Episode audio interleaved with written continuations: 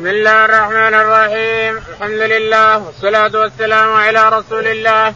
قال الإمام الحافظ أبو عبد الله محمد بن إسماعيل البخاري في صحيح. كتاب البيع. باب ما يكره من الخداع في البيع. قال رحمه الله دثنا عبد الله بن يوسف. قال أخبرنا مالك عبد الله بن دينار. عن عبد الله بن عمر رضي الله عنهما. أن رجلا ذكر للنبي صلى الله عليه وسلم أنه يخضع في البيوع. فقال إذا بايعت فقل لا خلافة. بسم الله الرحمن الرحيم. الحمد لله رب العالمين. الله على نبينا محمد وعلى آله وصحبه أجمعين.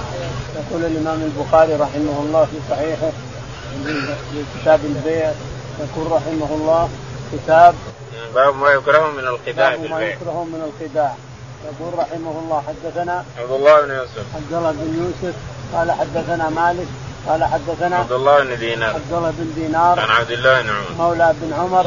قال عن عبد الله بن عمر رضي الله عنه أن رجل يقول ابن عمر رضي الله عنه أن هناك رجل أتى النبي عليه الصلاة والسلام وقال يا رسول الله إني أخدع في البيع ما اعرف ابيع ومشتري أخدع في البيع ما اعرف ابيع والمشتري فقال إذا بعت أو شريت فقل لا خلافه يعني لا خداع. قل له لا خداع اشرط عليه. قل له لا خداع يا فلان لا خداع فإن ظهر غش. أو خداع ترده عليه على طول مجاني. ترده عليه مجاني وتأخذ فلوسك فإذا قال لا فإذا قلت لا خداع يعني لا خداع ولا لا خلابة. الخلابة الخداع والغش. فقل له لا خلابة. إذا بعت أو شريت قل لا خلابة. فإذا قلت لا خلابة ورضي به البائع أو المشتري فإنه لا, لا, لا لوم عليك حينئذ ترده عليه. فإن الخلابة هي الخداع والغش. نعم. باب ما ذكر في الأسواق. وقال عبد الرحمن بن عوف رضي الله عنه لما قدمنا المدينة قلت هل من سوق في تجارة؟ قال سوق قينقاع وقال أنس قال عبد الرحمن دلوني على السوق. وقال عمر الهاني السبق في الأسواق؟ قال رحمه الله دثنا محمد بن الصباح. قال دثنا إسماعيل بن زكريا عن محمد بن سوق عن نافع بن جبير بن مطعم. قال حدثتني عائشة رضي الله عنها قالت قال رسول الله صلى الله عليه وسلم يغزو جيش الكعبة فاذا كانوا ببيداء من الأرض يخسوا بأولهم وآخرهم. قالت قلت يا رسول الله كيف يخسوا بأولهم واخرهم وفيهم أسواقهم؟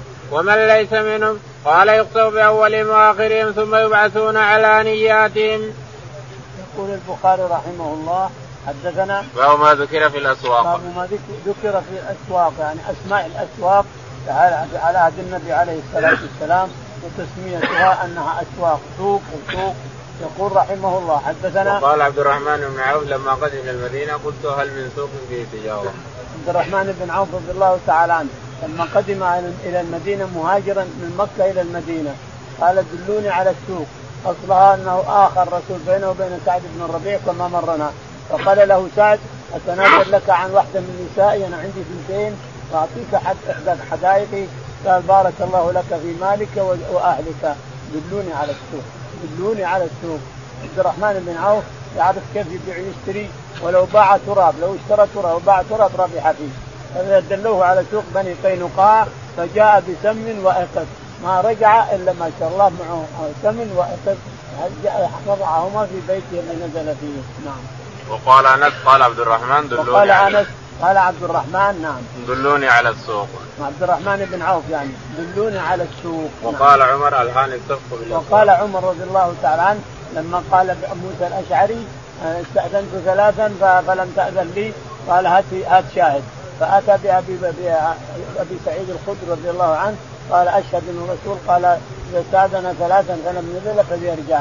قال سبحان الله الهاني الصف في الاسواق الهاني الصف يعني البيع والمشترى في الاسواق عن أن أحضر أحاديث الرسول عليه الصلاة والسلام. نعم. قال حدثنا محمد بن الصباح. يقول البخاري حدثنا محمد بن الصباح الحلواني قال حدثنا إسماعيل بن زكريا. إسماعيل بن زكريا قال قال حدثنا محمد بن سوقة. قال حدثنا محمد بن سوقة قال عن نافع بن جبير بن مطعم. عن نافع بن جبير بن مطعم عن عائشة, عن عائشة رضي الله تعالى عنها أن النبي عليه الصلاة والسلام قال يغزو آخر الزمان. يغزو جيش الكعبه يغزو جيش يبون يحتلون مكة يعني. يهدمون الكعبة. يغزو جيش الكعبه فيخسف بأولهم وآخرهم. فقلت يا رسول الله يخسف بأولهم وآخرهم. وفيهم السوقه يعني العوام. السوقه الأسواق العوام. السوقه فلان فلان بن فلان سوقي. يعني يتجول في الأسواق. وفيهم السوقه وفيهم العوام فيهم من لا منهم ومن ليس له ذنب. قال يخسف بهم جميعا. ويبعثون على نيات كل يبعث على دينه. يبعث الانسان على دينه وعقيدته وصلاحه. الصالح يبعث صالح والصالح صالح. يبعثون على نياتهم. قال يبعث كل يبعث على نياته. الخسف يخسف بالجميع. يعني أن العقوبة تعم الجميع. العقوبة إذا نزلت نعوذ بالله بسبب ذنب عمت الجميع الصالح والصالح. لكن الناس يبعثون على نياتهم وعلى قلوبهم وصلاح القلوب يبعثون بهذا. والا ففيهم السوقه وفيهم العوام وفيهم من ليس منهم قال يبعثون على نياتهم نعم والسوقه هم العوام. فلان من السوقه وفلان من السوقه من العوام يعني اللي يتجولون في الأسواق. نعم. قال رحمه الله دثنا قتيبة قال دثنا جرير عن عن أبي صالح عن أبي هريرة رضي الله عنه قال قال رسول الله صلى الله عليه وسلم صلاة أحدكم في جماعة تزيد على صلاته في سوق وبيته بضع وعشرين درجة. وذلك لأنه إذا توضأ فأحسن الوضوء. ثم أتى المسجد لا يريد إلا الصلاة لا ينهز إلا الصلاة. لم يخطو خطوة إلا رفع بها درجة أو عنه بها خطيئة. والملائكة تصلي على أحدكم ما دام في مصلى مصلاه الذي يصلي فيه. اللهم صل عليه. اللهم ارحمه. ما لم يحدث فيه ما لم يؤذ فيه. وقال أحدكم به صلاه ما كانت الصلاة تحبسه. يقول البخاري رحمه الله حدثنا قتيبة بن سعيد. قتيبة بن سعيد قال حدثنا جرير قال الأعمش. عن أعمش سليمان قال عن أبي صالح السمان. عن أبي صالح السمان عن أبي هريرة. قال عن أبي هريرة رضي الله تعالى عنه أن النبي عليه الصلاة والسلام قال نعم. صلاة أحدكم في جماعة تزيد على صلاته في سوق يقول عليه الصلاة والسلام صلاة أحدكم في جماعة تزيد تزيد على الصلاة في سوقه في بيته وفي سوقه هذا الشاهد. في سوقه شاهد لفظ السوق وذكر السوق. تزيد على صلاة في بيته وفي سوقه 25 درجة أو قال 27 درجة نعم. وقال ذلك بأنه إذا توضأ فاحسن الوضوء فسر ذلك النبي عليه الصلاة والسلام. وذلك أنه إذا توضأ فأحسن الوضوء ثم صلى أتى إلى المسجد يمسك على رجليه على المسجد أولا غفر له ذنبه ما تقدم من ذنبه حينما توضأ وأحسن الوضوء ثم إذا صلى ركعتين طهارة كذلك ثم إذا مشى إلى المسجد رفع به درجة وحطت عنه خطيئة والملائكة تصلي عليه ثم إذا صلى وجلس في مصلاه فإنه في صلاة ما دام جالسا في مكانه والملائكة تصلي عليه اللهم اغفر له اللهم ارحمه ما لم يؤذي أو يحدث. ما لم يؤذي أحد يخاصم أحد أو يحدث ينتقض نعم. قال رحمه الله دثنا آدم أبي قال دثنا شعبان حميد الطويل عن أنس بن مالك رضي الله عنه قال كان النبي صلى الله عليه وسلم في السوق فقال رجل يا أبا القاسم فالتفت إليه النبي صلى الله عليه وسلم فقال إنما دعوت هذا فقال النبي صلى الله عليه وسلم سموا باسمي ولا تكنوا بكنيتي الصلاه والسلام. يقول البخاري رحمه الله حدثنا آدم بن أبي اياس آدم بن أبي اياس قال حدثنا شعبة. شعبة. قال حدثنا حميد الطويل. حميد الطويل. عن أنس بن مالك. أنس بن مالك رضي الله تعالى عنه أن النبي عليه الصلاة والسلام كان في السوق فدعا رجل رجلا آخر قال يا أبا القاسم. فالتفت الرسول عليه الصلاة والسلام فقال لم أعنك يا رسول الله. فقال تسموا باسمي محمد تسموا بمحمد لأن محمد كثير. ولا تسكنوا بكنيتي. ابا القاسم ممنوع الكنية في أيام حياة الرسول عليه الصلاة والسلام. كل ما الرسول موجود في حياة ما يمكن تتكنى بابي القاسم لأن كونك دعوته والتفت الرسول لم تعنه إهانة للرسول إذا تأثم الإنسان جريمة وكبيرة من كبائر الذنوب. تدعي الشخص ثم يلتفت شخص آخر وانت ما تريد الرسول إهانة. التفت الرسول حسبه أنت. فلا تتكنوا بسنة الرسول. يعني لا يمكن أحد يسمي ولده أو القاسم أو يتكنى بأبي القاسم إلا الرسول في حياته عليه الصلاة والسلام. بعد ما مات الرسول انت حر سمي قاسم وغيره أو ابا القاسم أو شيء. مات الرسول خلاص انتهى. انتهى الاشكال في هذا. لكن في حياته ممنوع أن تتكنى بأبي القاسم. نعم.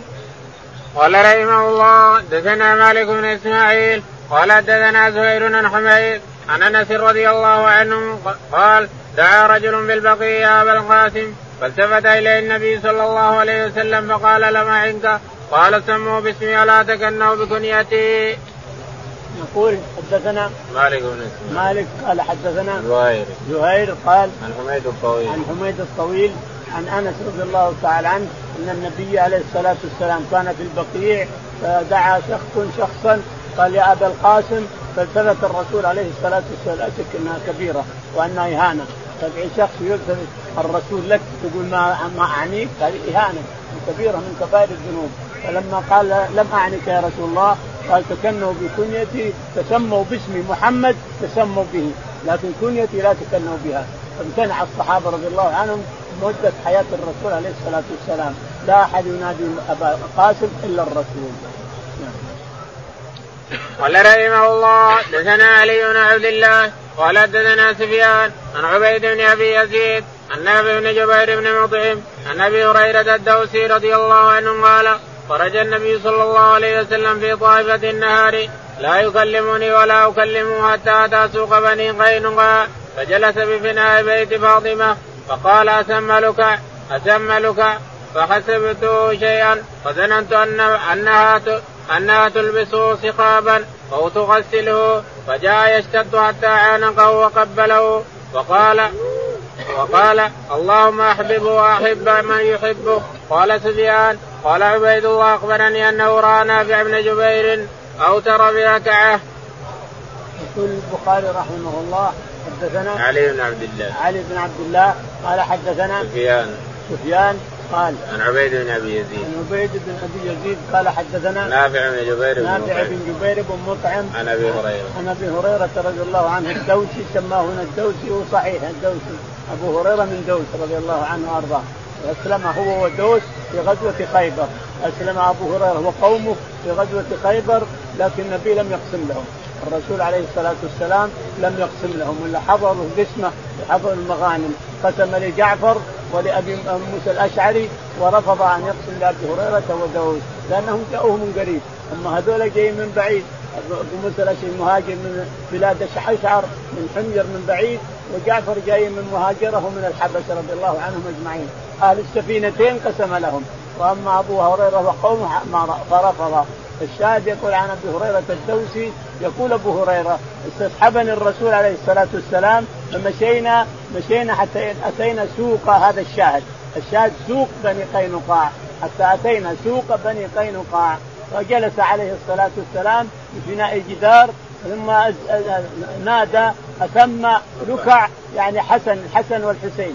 أثم لكع أثم لكع. يقول فظننت أنها تلبسهم فاطمة رضي الله عنها يقول فلم أشعر إلا وخرج الحسن رضي الله عنه وضمه الرسول وخمه وقبله على شفتيه وخمه الرسول وقبله فقال اللهم إني أحبه فأحبه وأحبب من يحبه. نعم. نحب علي وأولاده وفاطمة وأولادها إن شاء الله. نعم. قال سفيان قال عبيد الله اخبرني أنه رأى نافع بن جبير أو ترك يقول سفيان بن عيينة رأى عن من؟ عن عبيد الله بن يزيد عن عبيد الله بن يزيد عن أنه رأى نافع بن جبير. نافع بن جبير بن مطعم. اوتر بركعة. أوتر بركعة. يعني أن نافع بن جبير بن مطعم أوتر بركعة. ما في اي مشكلة يعني. الوتر ركعة أو ثلاث أو أو خمس أو سبع يكبر الانسان لكن ركعة وحدها تصلي ركعة وحدها وتنويها وتر لا بأس بذلك. أما تصلي ركعة ولا تنويها وتر فلا يجوز ما يمكن. أما رك... تسليمه ركعتين ركعتين ركعتين. صلاة الليل مثنى مثنى إلا إذا نويت وحده تنويها وتر فلا عليك. لا لوم عليك.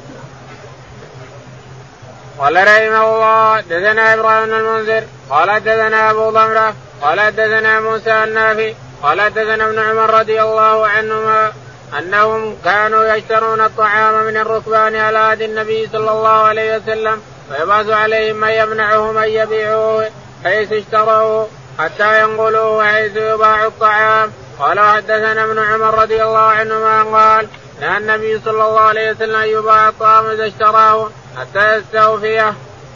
يقول البخاري رحمه الله حدثنا إبراهيم بن المنذر. إبراهيم بن المنكدر قال حدثنا أنس بن ضمر نعم.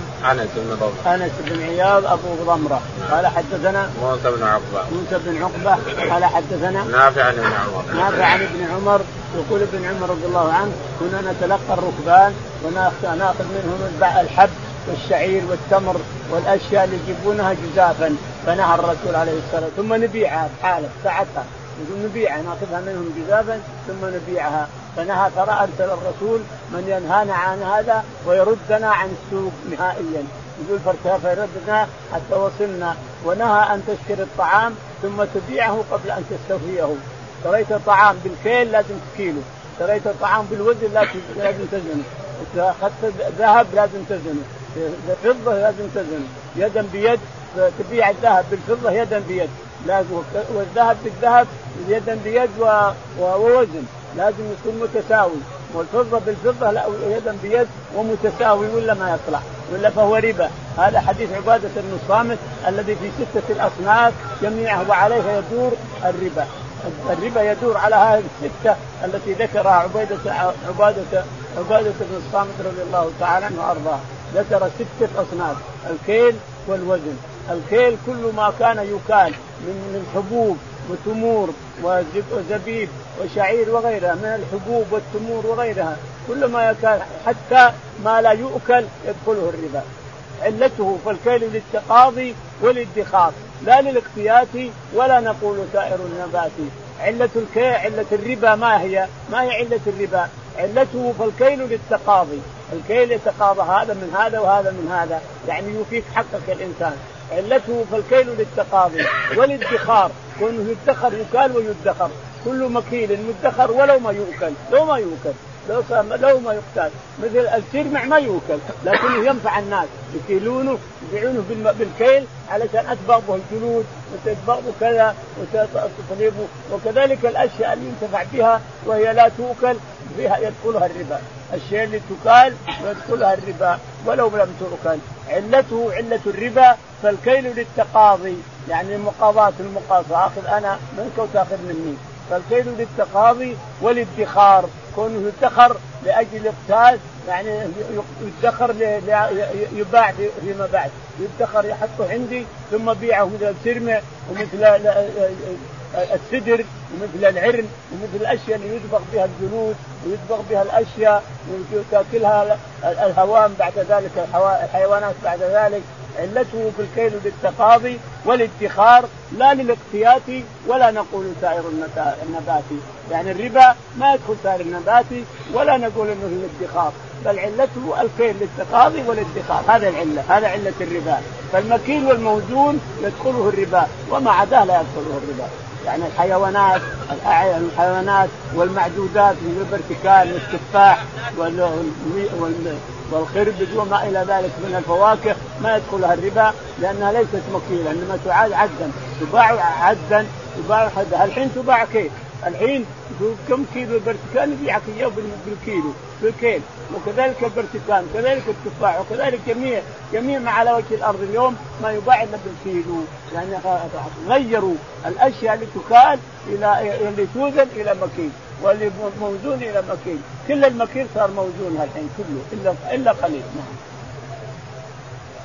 باب كراهية الصخب في السوق. قال رحمه الله حدثنا محمد بن سنان قال حدثنا فليح قال حدثنا هلال عن عطاء بن يسار انه قال لقيت عبد الله بن عمرو بن العاص رضي الله عنهما. قلت أخبرني عن صفات رسول الله صلى الله عليه وسلم في التوراه قال أجل والله إنه لموصوف في التوراه ببعض صفته في القرآن.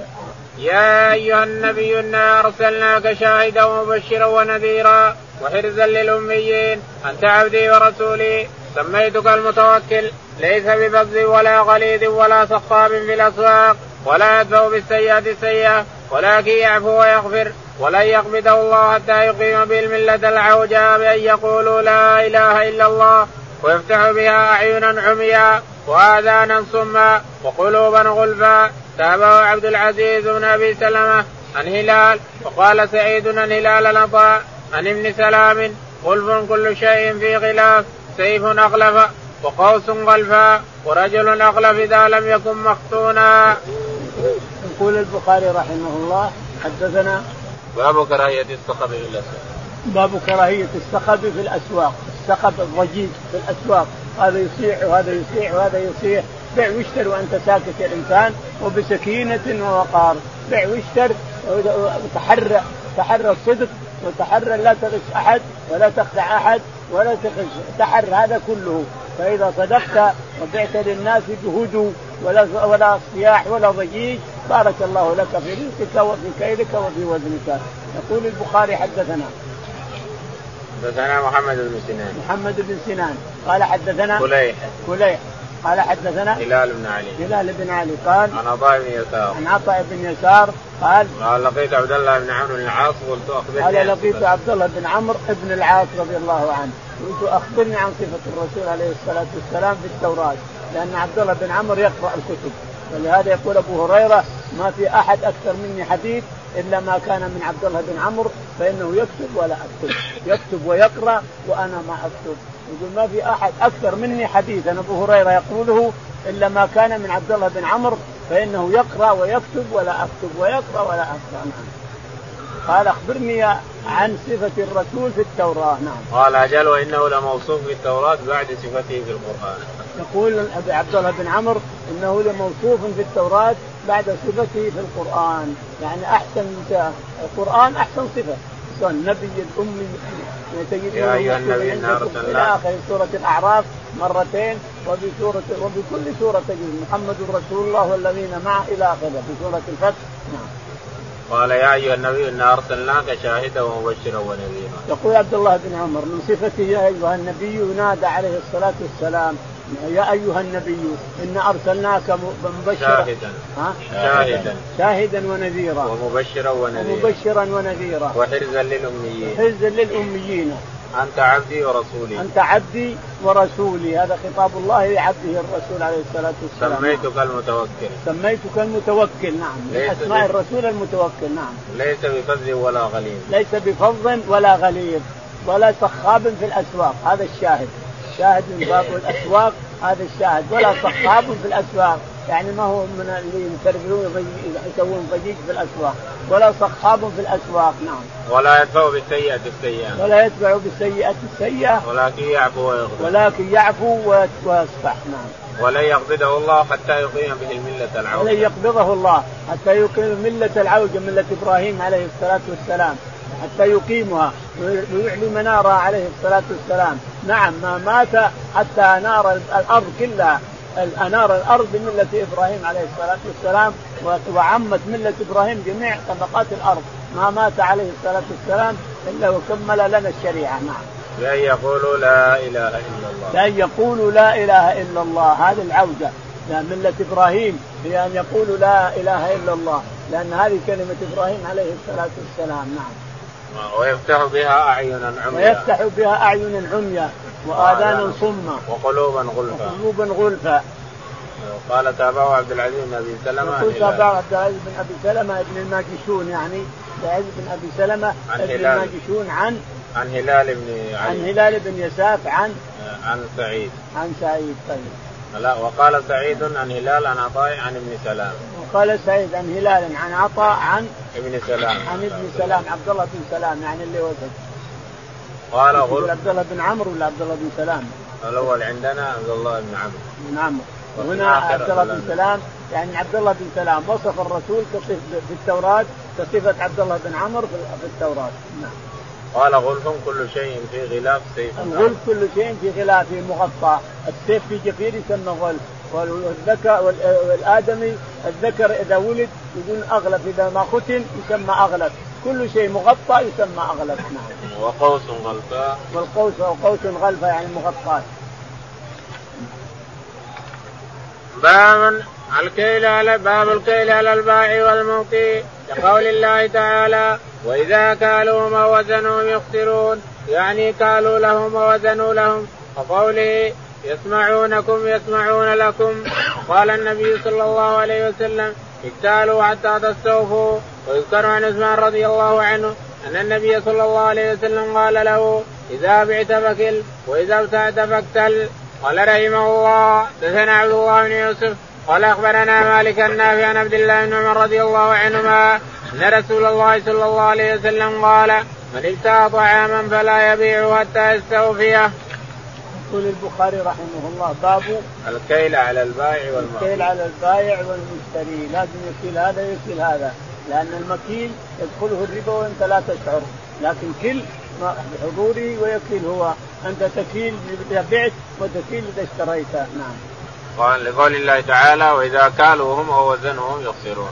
يقول الله تعالى وتقدس عن قوم شعيب وإذا كالوهم أو وزنوهم يخسرون. يعني لهم صاع. عندهم قوم شعيب كل واحد منهم عنده زرع بكيله ويبيعه عنده صاع كبير يستوفي به من الناس وصغير يكيل به الناس. فنهاهم شعيب لكن ما انتهوا فاخذتهم نعوذ بالله الظلة. الظله أو الصاعقة. الشاهد له صاع. كثير من الناس إلى اليوم يجد يازن أشياء للناس وزن غير وزنه. إذا أراد أن يزن منك يشتري منك أنت يزن بميزان كبير وإذا أراد أن يبيعك وزن بميزان صغير أو بسن صغير وأنت لا تشعر الإنسان. وكذلك إذا أراد أن يبيعك كذا أو أراد أن يبيعك حاجة أو أراد فإنه يأخذ الأشياء الكثيره منك برخص. ثم يبيعك إياه بغلاء. هذا عمل قوم شعيب الشاهد لا يجوز وهذا محرم وربا على الإنسان نعم. وقال يعني قالوا لهم أو وزنوا لهم.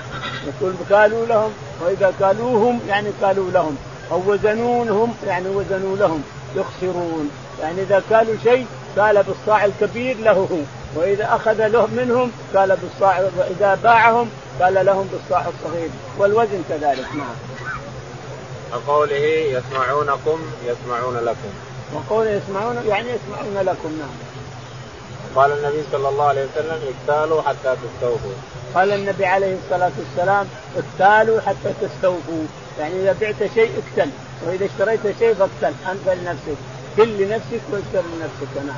ويذكر عن عثمان رضي الله عنه النبي صلى الله عليه وسلم قال له إذا بعت فكل وإذا ابتعت فكل. ويذكر عن عثمان بن عفان رضي الله تعالى عنه أن النبي عليه الصلاة والسلام قال له إذا بعت فكل وإذا اشتريت فاقتل، إذا بعت فكل وإذا اشتريت فاقتل، يعني كل إذا بعت وإذا اشتريت لا تكسب جزافا، إذا سميت الكيل لازم تكيل الإنسان، إذا سميت الكيل بشتري منك 30 صاع. ما يجوز تقول هذا كيس فيه 30 صاع. أقول لا. كيل. كبه في الأرض وكله لي. لا أشتريه جزافا. أنا سميت الكيل لازم تعطيني كيل. ما يمكن آخذ جزافا. ابن حلال هذه كيسين فيهن 30 كيلة. خذهم. قال لا. ما يمكن. أشتريت كيله لازم سميت الكيل لازم اشتريها أو سميت الوزن لازم تشتري بالوزن ولا تأخذ جزافا ممنوع الجزاف. نعم. قال حدثنا عبد الله بن يوسف. يقول البخاري رحمه الله حدثنا عبد الله بن يوسف قال حدثنا مالك. مالك. قال حدثنا نافع عن ابن عمر. نافع عن ابن عمر. قال النبي صلى الله عليه وسلم قال من ابتاع طعاما فلا يبيعه حتى يستوفيه. يقول ابن عمر رضي الله عنه أن النبي عليه الصلاة والسلام قال من ابتاع طعاما فلا يبيع حتى يستوفيه، أنت شريت طعام الإنسان، شريت طعام بالكيل كلته لكن ما يجوز تبيع على آخر حتى تنحيه تكيله وتنحيه عن مكانه، وإذا كان أكياس لازم تشتري جزافا اشتريتها جزافا ولم تسمي الكيل خذ الجزاف ما بعد بها خذ الثلاثة الأكياس أو أربعة اكياس شيلها وودها إلى محل آخر. أو شريت تنك تمر أو تنك سمن شيلها وودها مكان آخر. تبيعها مكانها ما يمكن حرام. لا يمكن حتى تنحيه حتى تقبضه. وقبضه أن تنحيه من مكان إلى مكان ولو في بيت ولو في بيت البايع. أنت حيث شلته من هنا إلى الصالة، الصالة هنا وطرفها هناك شلته من هنا إلى هنا يسمى اذن وتقول أنا قبضته لا خلاص. معناته ان قبضته وشلته فلا يبيعه حتى يستوفيه. إن كان يحتاج إلى كيل حتى يكيله وإن كان ما يحتاج إلى كيل لازم يقبضه. يعني إذا كان تنك فيها تمر أو تنك فيها سمن لازم تقبضه. كيف تقبضه؟ تشيله من مكانه إلى مكان آخر. والأكياس كذلك وبالات قماش كذلك تنحيها إلى مكان آخر.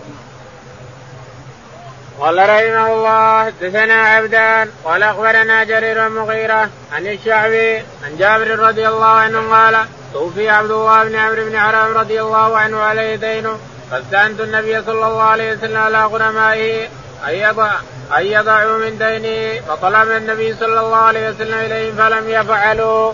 فقال لي النبي صلى الله عليه وسلم إذا فصنف تمرك اصنافا العجوى على حدة وعلق على وعلق زيد على حدة ثم أرسل إلي. ففعلت ثم أرسلت إلى النبي صلى الله عليه وسلم فجلس على اعلاه وهو في وسطه ثم قال كل القوم فكلتم حتى اوفيتهم الذي لهم وبقي تمري كأنه لم ينقص منه شيء وقال فراس الشعبي حدثني جابر عن النبي صلى الله عليه وسلم فما زال يكيل لهم حتى اداه وقال هشام وهب عن جابر قال النبي صلى الله عليه وسلم جز له فأوفي له.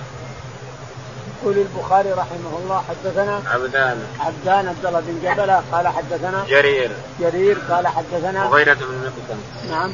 مغيرة بن مقسم. مغيرة بن مقسم قال حدثنا الشعبي. الشعبي قال عن جابر بن عبد عن الله. جابر رضي الله تعالى عنه قال مات عبد الله بن عمرو بن حرام رضي الله عنه. والده قتل في أحد وترك يقول آه، آه، دين عليه كثير. مع أنه ليش؟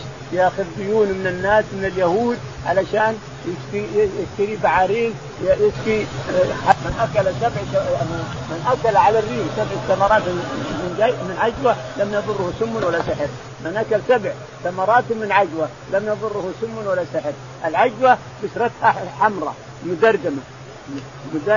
حمراء ومدردمة وتمرتها سوداء. التمرة سوداء والبسره البلح مدردم أسود هذه العجوة لكن ما أدري ما هو موجود الآن. خلطوا النخاوله خلطوا العجوة غير العجوة بالنخل هذا وبالنخل هذا. ما عاد تعرف يقولون العجوة هم يكذبون ليست بعجوة. الشاهد قال افصل العجوة الحال وافصل ذات ذي عرق الحال. بعذق الحال. خلاها الحال اردى منها شوية. يقول ففصلت العجوه في في بيدر في أمريكان وفصلت العجوه في بيدر. وخليت هذا بهذا. جاء الرسول عليه الصلاة والسلام وبرك عليهما ثم دعيت يقول فهمت اليهود فقلت يلا هاتوا هاتوا مكايلكم هاتوا أكياسكم. يقول فحضروا أكياسهم. يقول فكل كلت وكلت كلت كلت حتى استوفوا كل ما على عبد الله بن عمرو. كل ما على. يمكن خمسة آلاف صاع أو أكثر. يقول فاستوفهم من النخلة واحدة وهي العجوة. يقول أوفيتم من نخلة واحدة. ولم ينقص منها شيء. وفيتم كل ما يطلبون من عبد الله بن ولا والدي كل ما يطلبونه. استوفوا حقهم وذهبوا والجارين كما هو. ما نقص ولا حبة. لأن الرسول جالس عليه عليه الصلاة والسلام ودعا بالبركة فنزلت البركة وكلت منهم وبقي نخلي وبقي تمري كما هو وقال فراس عن الشعبي حدثني جابر عن النبي صلى الله عليه وسلم فما زال يكيل لهم حتى اتى. وقال فراس عن عن الشعبي عن, عن جابر رضي الله عنه عن النبي عليه الصلاة والسلام أنه ما زال يكيل لهم حتى استوفوا. نعم.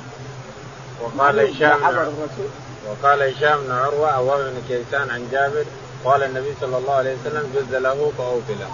وقال هشام بن عروة عن وهب بن كيسان. ووهب بن كيسان عن جابر. عن جابر قال الرسول عليه الصلاة والسلام جد لهم وأوفهم. يعني أوف الدائن لازم تعطيه حقه فحضر الرسول. أول يقول لهم خذوا الثمر كله كل الثمر علشان يستوفي تبرد جلدة عبد الله بن عمرو والدي. خذوه كله يا يهود. قالوا لا عطنا تمر ما نبي كيل من تمر عناد ولا لو أخذوا سنحتل لهم. لكن عاد يقول ذهبت للرسول يشفع فرفضوا أن يشفعوا. فقال جبت العجوه الحال ذات عدة الحال ثم أتى عليه الصلاة والسلام وبرك على التمر ثم قال ادعى هاتوا هاتوا ما تريدون هاتوا جبلانكم هاتوا أكياسكم هاتوا كذا. يقول فكلت لهم وكلت كلت حتى استوفوا كلهم ثلاثة أو أربعة اللي يطلبونه حتى استوفوا كلهم وراحوا من عندي والتمر بحاله لم ينقص شيء كأنه لم يؤخذ منه ولا تمرة. باب ما يستحب من الكيل. قال رحمه الله دثنا إبراهيم بن موسى قال دثنا الوليد عن ثور عن خالد بن معدان عن المقدام بن معدي قريب رضي الله عنه عن النبي صلى الله عليه وسلم قال كيلوا طعامكم يبارك لكم. يقول البخاري رحمه الله حدثنا باب ما يستحب من الكيل. باب ما يستحب من الكيل. حدثنا إبراهيم بن المنذر. إبراهيم بن المنذر. قال حدثنا الوليد. الوليد. قال حدثنا ثور بن يزيد. ثور بن يزيد. قال حدثنا خالد بن معدان. خالد بن معدان. عن قال المقدام بن معدي عن المقدام بن معدي كرب رضي الله عنه أن النبي عليه الصلاة والسلام قال كيلو يبارك لكم فيه. كيلو طعامكم يبارك كيلو طعامكم يبارك لكم فيه. عندنا حديث يتعارض مع هذا الحديث. حديث عائشة رضي الله عنها تقول إن عندي كومة من الشعير والنبي نهاني أن أكيلها. يقول فكلتها فنفدت كنت آكل منها وآكل وآكل وآكل. آخذ وانطحن وآكل وآخذ واطحن وآكل. كومة مرصوصة في ربع من ربع الحجرة. يقول فلما كلت نفد باذن فكيف نجمع بين هذا وهذا؟ يقول الرسول عليه الصلاة والسلام قال كيلوا طعامكم إذا بعتوه وكيلوا طعامكم إذا اشتريتوه. أما الذي تأكل الإنسان تريد أن تأكله لا تعرضه ولا تكيله ولا تعرضه. والفلوس اللي تنفقها لنفقات بيتك لا تعدها. خذ من الفلوس واشتر منها. لا تقول فلان واحد اثنين ثلاث أربع تقول هذه اللي بشتريها لا تعدها. خذ من الفلوس من جيبك الإنسان ثم اذهب إلى السوق واشتر فيها ما تشاء بدون أن تعدها. والطعام إذا كان في بيتك لا تكيله ولا تزينه إذا كان حاجة يوزن. لا تزينه فإنه تنزع البركه كما قالت عائشة. فكلته فنزعت البركه منه. هنا يقول إذا أردت أن كلت طعامك كل كل طعامك. يعني طعامك اللي تبيعه وتشتريه وتخليه طعام لك. تشتريه وتركنه في مكان كيلو من الرجل اللي تشتريه منه ثم حطه ولا تكيله. إذا أردت أن تأكله لا تعرضه ولا تكيله أو لا تازنه كان موجود إلى آخره. نعم. باب بركة ساع النبي صلى الله عليه وسلم ومدهم فيه ومدهم. فيه عائشة رضي الله عنها عن النبي صلى الله عليه وسلم. قال رحمه الله دثنا موسى قال دثنا وهيب قال دثنا عمرو بن يحيى عن عباد بن تميم الأنصاري عن عبد الله بن زيد رضي الله عنه عن النبي صلى الله عليه وسلم قال إن إبراهيم حرم مكة ودعا لها وحرمت المدينة كما حرم إبراهيم مكة ودعوت لها في مدها وصائها مثل ما دعا إبراهيم عليه السلام لمكة.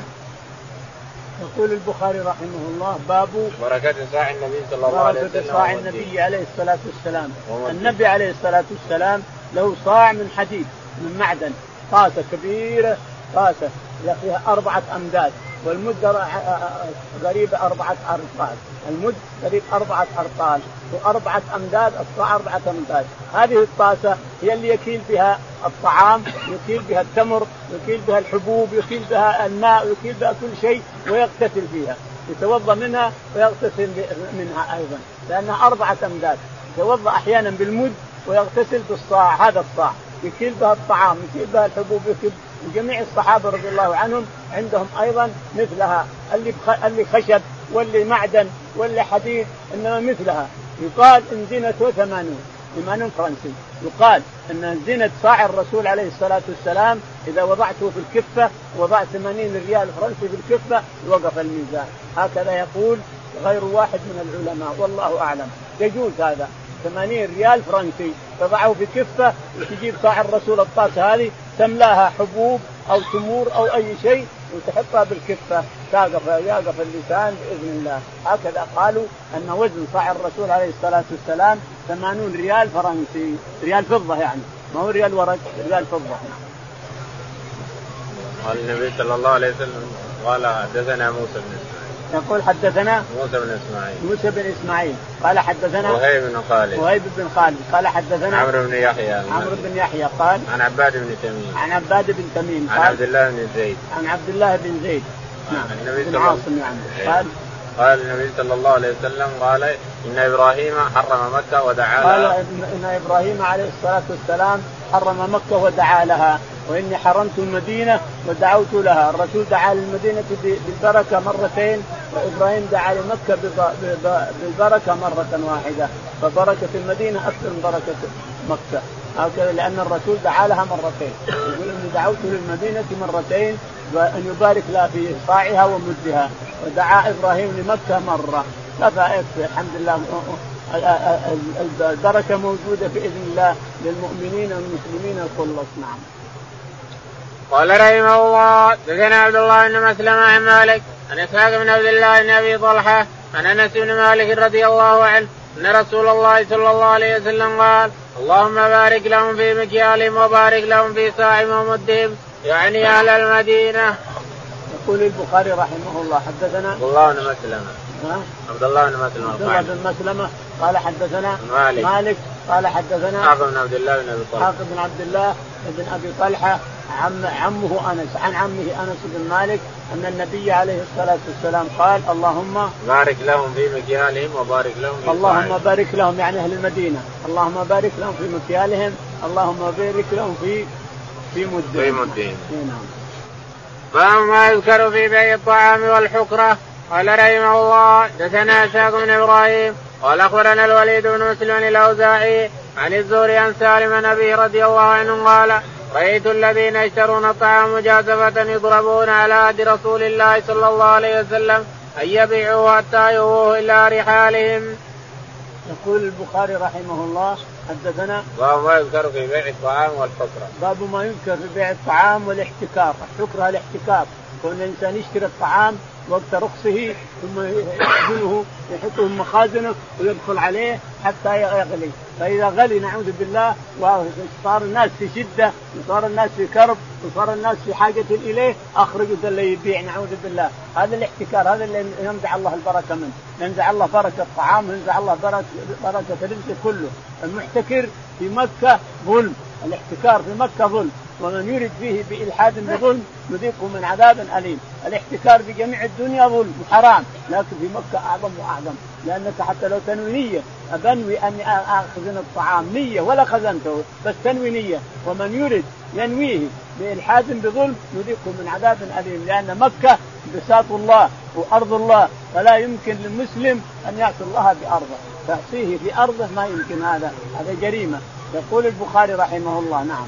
حدثنا إسحاق بن إبراهيم. حدثنا إسحاق بن إبراهيم قال حدثنا الوليد بن مسلم. الوليد بن مسلم قال حدثنا الأوزاعي. الأوزاعي عن الزهري. عن الزهري. عن سالم عن, عن سالم عن أبيه عبد الله بن عمر قال قال رأيت الذين يشترون الطعام مجازفة يضربون على يقول رأيت الذين يشترون الطعام مجازفة يعني ويحتكرونه يضربون يضربون يرسل الرسول اناسا يضربونهم.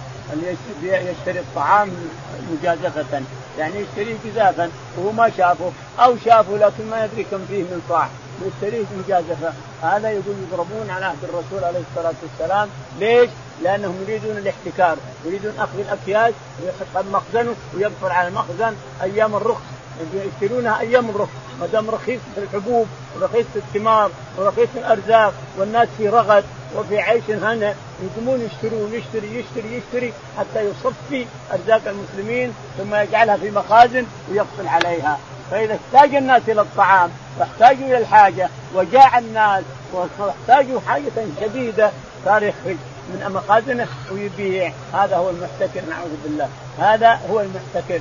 والاحتكار ليس في الطعام بس حتى في الملابس تحتكر الملابس حتى في الأراضي تشتري أراضي وتحتكرها ولا تبيع المسلمين برخص حتى تغلى وكذلك غيرها. بعضهم يشتري الأرض ب 25000 ثم يخليها حتى تعلى يبيعها 100 أو 200 أو 300 هذا قصده. هذا احتكار على المسلمين. أنا في حاجة إلى الأرض. ببيعها أبنيها بيت اللي اسكن فيه. وتقوم تحت تشتري الأراضي. وأنا في حاجة إليها ليش؟ هذا احتكار أيضا. كل شيء يباع ويترك يترك ما يباع حتى يغلو فهو احتكار. وفي مكة لا شك أنه جريمة نعوذ بالله. ومن يرد فيه بإلحاد بظلم يذيقه من عذاب أليم. يضربون على عهد رسول الله صلى الله عليه وسلم يبيعوه حتى يووه إلى رحاله. يقول يضربون على عهد الرسول عليه الصلاة والسلام يعني لا تبيع اشتريت لا تبيعه حتى تجيبه إلى رحلك فإذا دخل بيتك بيعه كالساعه أما تبيعه برا ما يمكن. الجزاف ما يمكن تشتريه ثم تبيعه برا من برا إلى برا ما يمكن. حتى تؤويه إلى رحلك فإذا وصل إلى بيتك ودخلت بيتك بيعه له جزاف بدون لأنك ما سميت كيف بيعه جزاف أكياس بيع أكياس. تمر فنك بيع فنك إلى آخره. نعم. قال رحمه الله دثنا موسى بن إسماعيل قال دثنا وهيب بن طاووس عن ابي عن ابن عباس رضي الله عنهما إن رسول الله صلى الله عليه وسلم ان يبيع الرجل طعاما حتى يستوفيه. قلت لابن عباس كيف ذاك؟ قال ذاك دراهم بدراهم والطعام مرجاه. يقول البخاري رحمه الله حدثنا موسى بن إسماعيل. موسى بن إسماعيل التبكي. قال حدثنا وهيب بن خالد. وهيب بن خالد. بن خالد قال عن عبد الله بن طاووس. عن عبد الله بن طاووس عن أبيه. عن أبيه طاووس بن كيسان عن ابن عباس. عباس رضي الله عنه إن النبي عليه الصلاة والسلام نهى أن يبيع الطعام حتى يستوفيه. حتى يستوفيه. باع الطعام حتى يقبضه من صاحبه. إن كان مس سمكين بكيل وإن كان جزافا يحط يأويه إلى رحله. وإلا فهو حرام. قال كيف؟ قال كيف ذاك؟ قال ذاك دراهم بدراهم يقول سأل ابن عباس طاووس سأل ابن عباس كيف ذاك؟ قال دراهم بدراهم. يعني معناه اني شريت أنا الأكياس هذه الآن هنا ب 300 ريال وبعتها ب 500 ريال. وأنا واقف أخذت دراهم بدراهم. ما حصل. لا لا قبضت شيء ولا أخذت أكياس ولا أخذت شيء. هي مكانها. شريتها من صاحبها ثم جاني واحد يا فلان كم شريت الأكياس هذه؟ أو السنك هذه أو الثلاث هذه؟ شريتها ب 300 ريال. قل 500 ريال. هاتها وأنا واقف. يقول لا هذا ممنوع. لازم تاخذ تستوفيها إلى بيتك تحطها بيتك ثم بعد ذلك تبيعها. أما في مكانها تاخذ 200 ريال على أي أساس؟ على أي أساس؟ وباي حق استحليت 200 ريال؟ هذا ربا. هذا هو الربا بعينه. قال ذاك دراهم بدراهم والطعام مرجى. الطعام مرجى موجود. الطعام موجود بس ما قبضه ما قبضه. الطعام مرجى ما هو ما هو بين ما قبضه. إنما اخذ دراهم بدراهم والطعام مرجى يعني مؤخر الطعام ما قبضه. نعم. قال رحمه الله دثنا أبو الوليد قال دثنا شعبة قال دثنا عبد الله بن دينار قال سمعت ابن عمر رضي الله عنهما يقول قال النبي صلى الله عليه وسلم من ابتاع طعاما فلا يبيعه حتى يقبضه. يقول البخاري حدثنا أبو الوليد. أبو الوليد. قال حدثنا شعبة. شعبة. قال حدثنا عبد الله بن دينار. عبد الله بن دينار مولى بن عمر. قال حدثنا عبد الله بن عمر رضي الله عنه أن النبي عليه الصلاة والسلام نهى أن يبيع الرجل الشيء اللي اشتراه حتى يستوفي يقبضه حتى يقبضه يمشيه إلى رحلة أو يقبضه اشتريت سمكة اقبض السمكة انسان اكياس اقبض الاكياس انقلها إلى رحلة الإنسان ثم أما تبيعها قبل أن أن تنقلها أو تقبضها فلا يجوز. ربا حرام. قال رحمه الله حدثنا علي قال حدثنا سفيان كان عمرو بن دينار يحدث عن الزهري عن مالك بن أوس أنه قال من عنده صرف؟ أنا حتى يجي خازننا من الغابة؟ قال سفيان هو الذي حفظناه من الزهري ليس فيه زيادة. وقال أخبرني مالك بن أوس أنه سمع عمر بن الخطاب رضي الله عنه يخبر عن رسول الله صلى الله عليه وسلم الذهب بالذهب ربا إلا ها وها والبر بالبر ربا إلا ها وها والتمر بالتمر ربا إلا ها وها والشعير بالشعير ربا إلا ها وها. يقول البخاري رحمه الله باب تابع للباب. تابع حدثنا علي بن عبد الله. علي بن عبد الله المديني قال قال حدثنا سفيان بن عيينة. سفيان بن عيينة حدثنا قال كان عمرو بن دينار يحدثه هذا الحديث. كان عمرو بن دينار يحدثه قال عن الزهري. عن الزهري. عن مالك بن أوس. عن مالك بن أوس بن الحدثان قال قال من من عنده صرف فقال طلحة أنا حتى يجي يقول عن طلحة بن عبيد الله التيمي أحد العشرة المشهود له بالجنة. جاء واحد معه فضة أو ذهب ليشتري به ذهب فقال آه، آه، انتظر حتى يجي خازننا من الغابة. عمر يسمع قال لا ليس ليس لك هذا يا طلحة هذا ربا لا يمكن.